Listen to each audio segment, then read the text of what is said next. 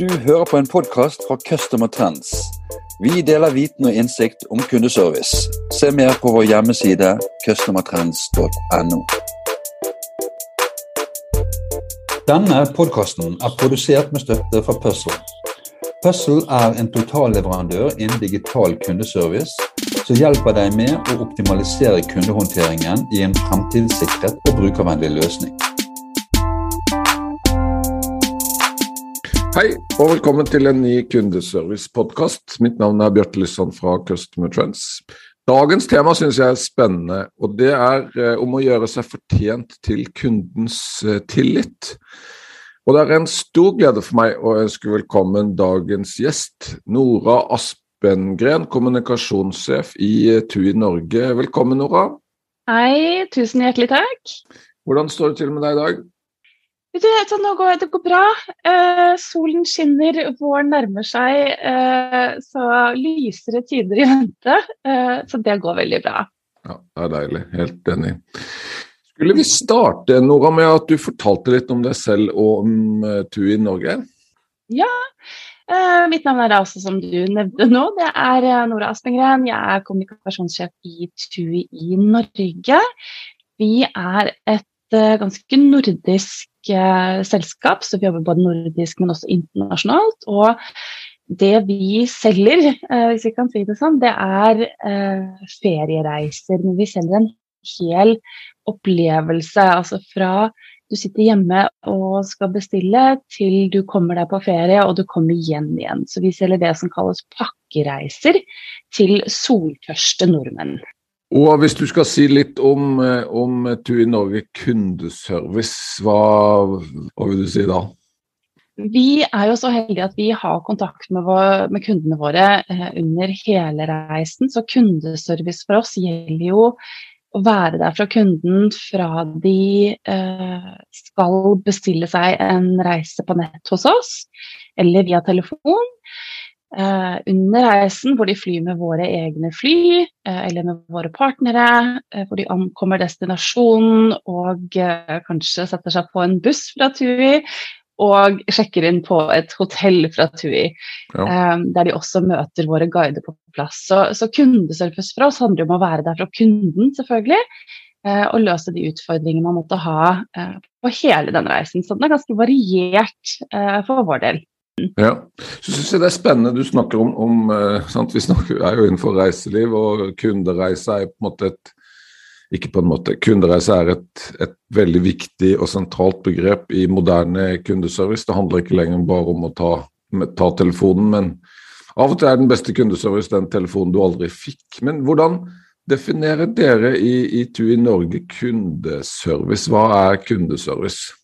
Det handler jo også, som jeg sa tidligere, det handler om å være der for kunden vår. Uh, gjøre det enkelt, trygt og uh, godt å ta uh, de valgene du skal ta, gjøre de kjøpene du skal gjøre. Men at vi er tilgjengelige for deg under hele reisen. At vi kan støtte deg i hva enn det er du skal trenge. Så jeg tror tilgjengelighet er en veldig viktig del av det.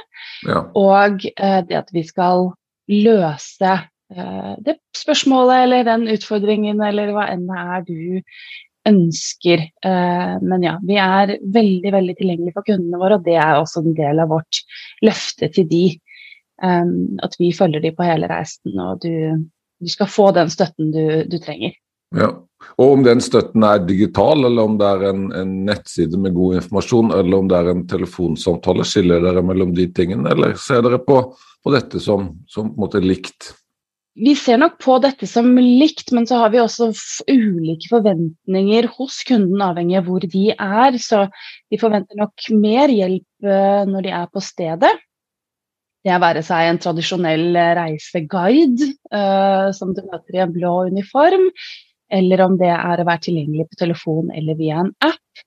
Så har, man, har nok kundene våre store forventninger til det, men også at vi er tilgjengelige uh, digitalt spesielt før man reiser, og også etter reiser. Så som sagt, dette, der vi møter kunden og, og, de forventningene de har til oss, er nok veldig ulik avhengig av hvor i eh, kundereisen de er hos oss. Spennende. Et tema i denne første delen som vi ikke har vært så mye inne på, det er eh, Nora. Hvordan havnet hun i, i reiselivsbransjen som kommunikasjonssjef? Ja, uh, det er jo en, en, interessant reise, det også, uh, syns jeg i hvert fall. Jeg har bakgrunn fra kommunikasjonsbyrået, kommunikasjonsbyrå, noe som heter Gelmeiden Kise. Jeg elsket det, men som konsulent så får du jobbe med veldig, veldig mange forskjellige merkevarer. Eh, du får gjøre veldig mye forskjellig, men du har ikke helt eh, Du har ikke den direkte kontrollen selv. Så jeg tror fra å gå fra den verden, så hadde jeg lyst til å jobbe på innsiden av, en, av et selskap, altså jobbe med kommunikasjon fra A til Å. Og så øh, jobbet jeg litt med gründere, som også var spennende en stund. Og så så jeg da at denne stillingen øh, i det som da het Startur, var øh, tilgjengelig. Jeg tenkte at det kan være spennende. Og så begynte jeg her for faktisk seks år siden, eh, og har blitt eh, siden ingen dag er lik. Det skjer så mye spennende i vår bransje, så tiden har flydd forbi. Og her sitter vi i dag. Så det er en veldig, veldig variert og spennende kommunikasjonsjobb jeg tror nok ikke du får testet deg eh, på samme måte som du gjør i reiselivet eh, i andre bransjer. Det tror jeg virkelig ikke.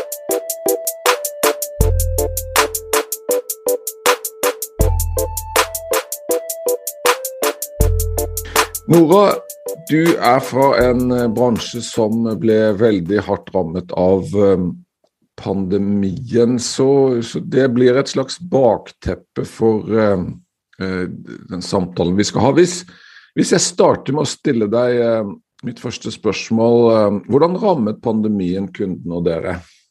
Ja, det store, store spørsmålet, hvordan, hvordan, det skjedde. Um, men nå snakker vi om en verden på en måte før og etter pandemien, som sikkert veldig, veldig mange gjør. Um, men pandemien, som veldig mange vet, har jo også rammet reiselivet spesielt hardt.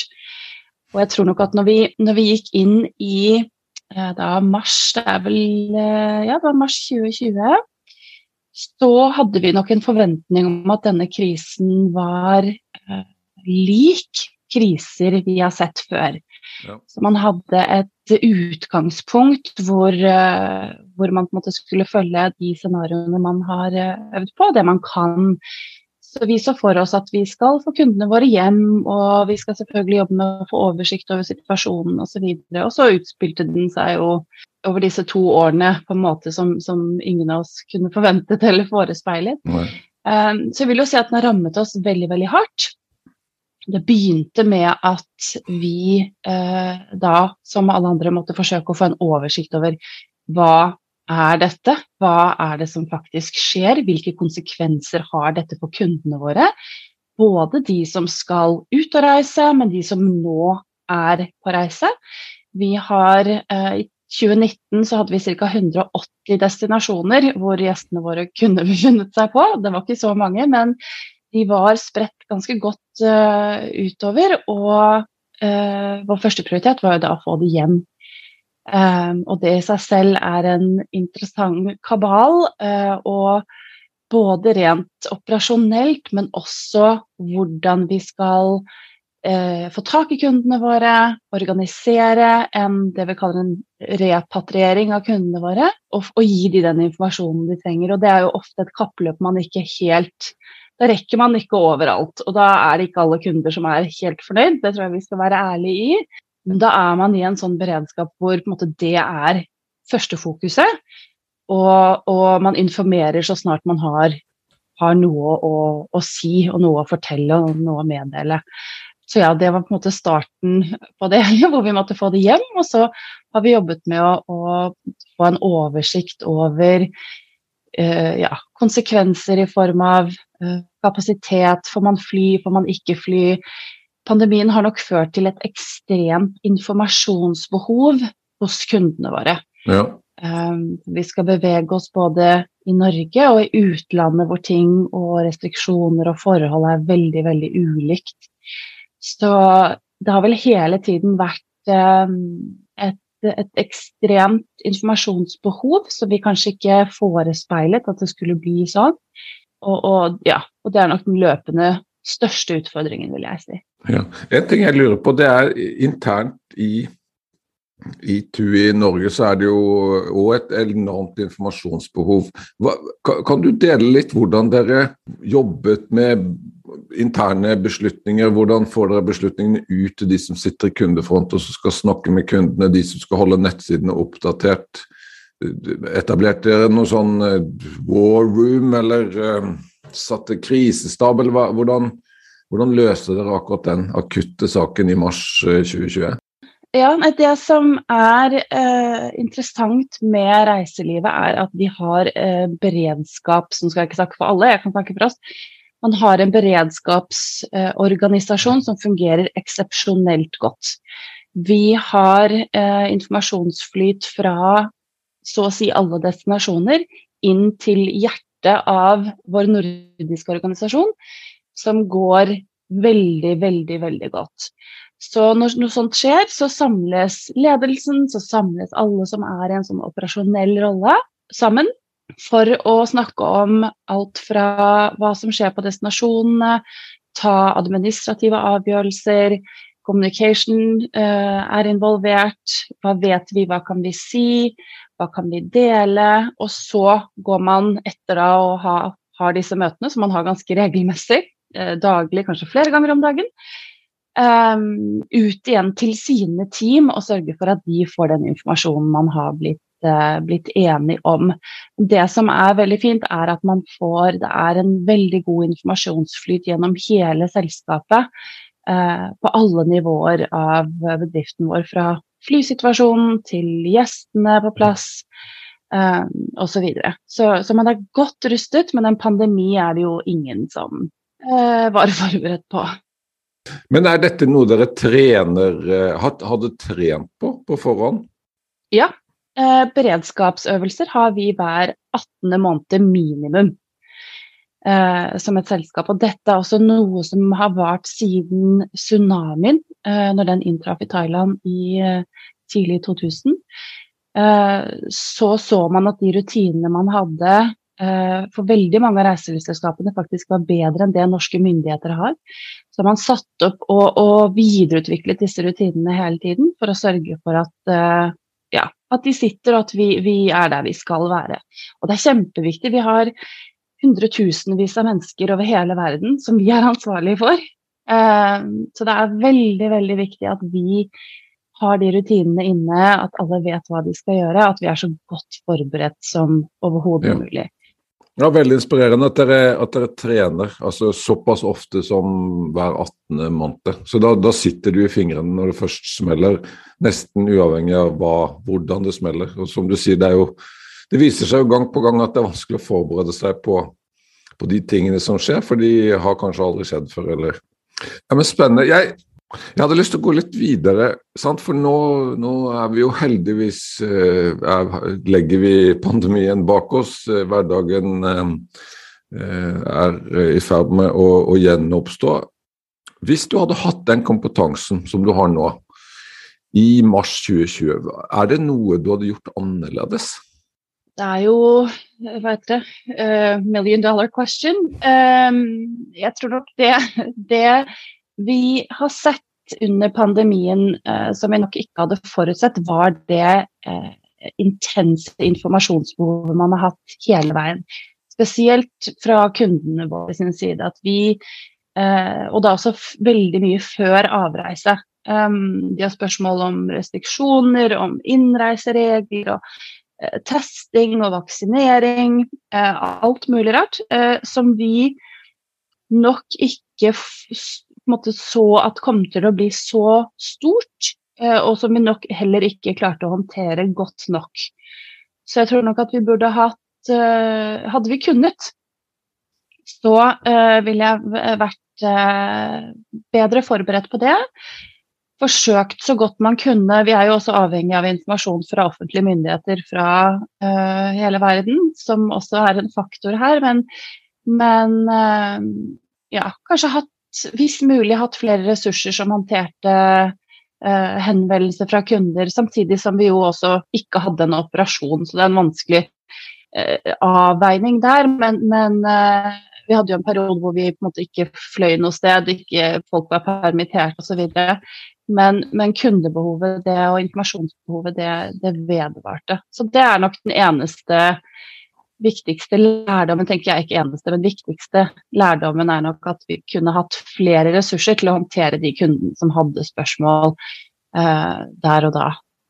Men, men overrasket det deg at, at, kundene hadde alle disse spørsmålene og stilte de til dere? For jeg antar jo at en del av disse tingene, innreiseregler og visum, eller vaksinekrav og, og altså, Det er jo på en måte ikke deres hoved... Eh, det er jo ikke deres ansvarsområde? Nei, det er jo ikke det.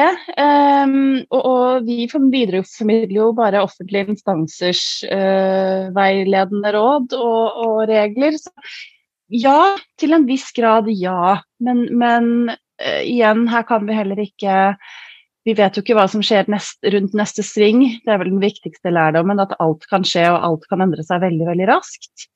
Jeg tror det er den generelle usikkerheten folk har hatt, uh, som gjør at dette behovet blir, uh, blir, så stort som vi ser at det har blitt. Vi har jo måttet også leie inn ekstra, ekstra folk for å faktisk håndtere de spørsmålene som kommer inn på en god måte.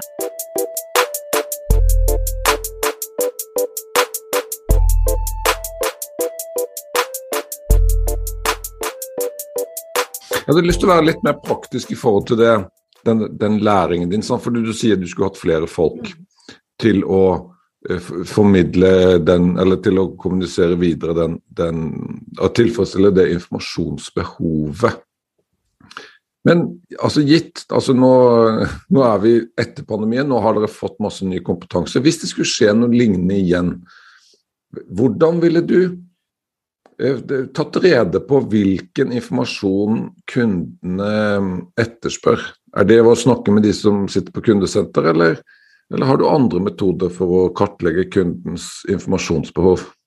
Da, vi har et kundesenter som er veldig veldig flinke på dette. De er ekstremt gode på å håndtere et ja, hva skal jeg si, veldig bredt spekter av henvendelser som kommer, så de er nok den beste pulsen eh, på dette for vår del, men også selvfølgelig sosiale medier. Eh, følge med i mediebilder generelt.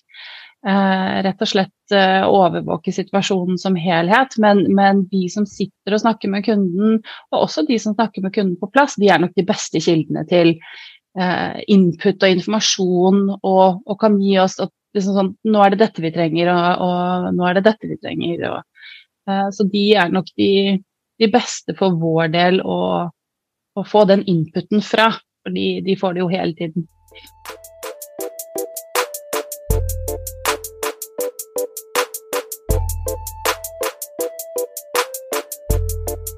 Nora, vi, når vi forberedte denne eh, episoden, så, så, snakket vi om dette med tillit. Eh, så um, mitt eh, spørsmål lyder eh, hva må til for å fortjene kundens tillit? Ja, og jeg tror at mye av det handler om uh, åpenhet. At vi er så åpne og også så ærlige som vi kan være. Om at, både om at vi kanskje ikke har levert godt nok gjennom pandemien. Jeg tror det er ganske mange av våre kunder som var frustrert over å ikke få kontakt med oss f.eks. en lang periode. så jeg tror det handler om å være veldig ærlig om at det I visse perioder så har vi ikke levert godt nok der. Og så en lovnad og også en gjennomføring i form av at vi skal selvfølgelig levere det produktet de fortjener. At vi er tilgjengelige, at det skal ikke være problemer med å nå oss på telefon eller chat eller hva det er for noe, fordi vi skal være der for deg. Uansett når du måtte trenge oss, så, så skal vi være der for deg. Og um, og, det også at kundene våre får oppleve det. Ikke sant? Dette må vi bevise, eh, og det skal vi gjøre. Og det tror jeg, håper jeg, at uh, det er der man, uh, man, sørger for å vinne den tilliten igjen. Fordi vi blir en viktig partner i en veldig viktig uke eller to uker av livet, eller av året. Um, som en, noe som betyr mye for mange.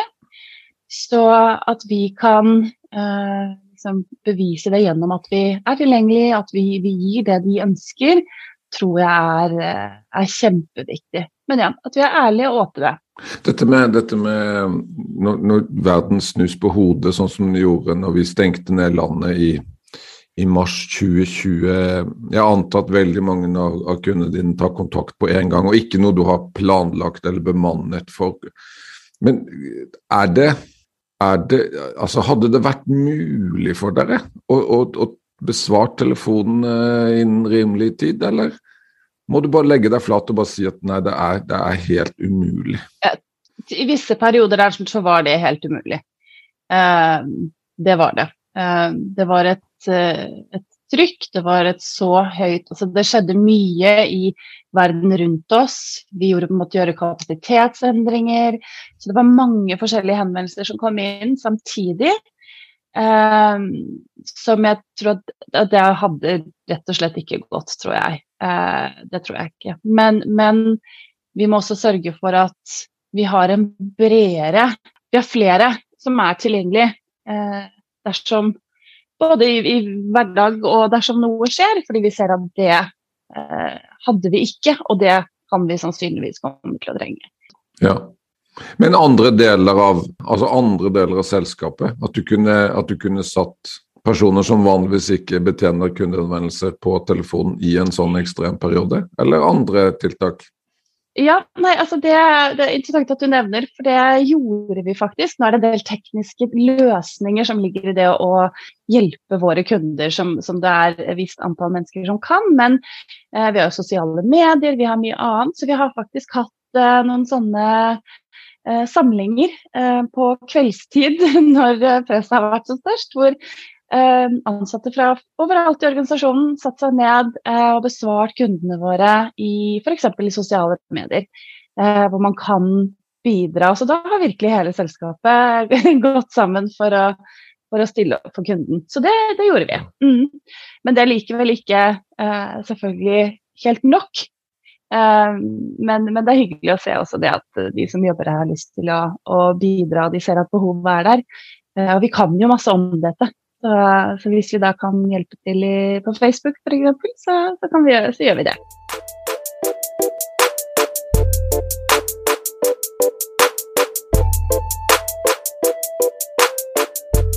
Vi skal inn i, i siste fase. Vi skal snakke om, om fremtiden. Hva, hva, tenker du om fremtiden for kundeservice i, i reiseliv um, generelt, og i TUI Norge spesielt? Eh, hvordan ser fremtiden ut? Vi snakker jo veldig, veldig mye om digitalisering og transformasjon. Jeg tror at til syvende og sist er det fortsatt mennesker på hver sin side av nettsiden vår, hvis du kan si det sånn. Det er mennesker som reiser med oss, og det er mennesker som sitter her. Så jeg tror nok den kontakten mellom mennesker blir, fortsetter å være veldig, veldig viktig.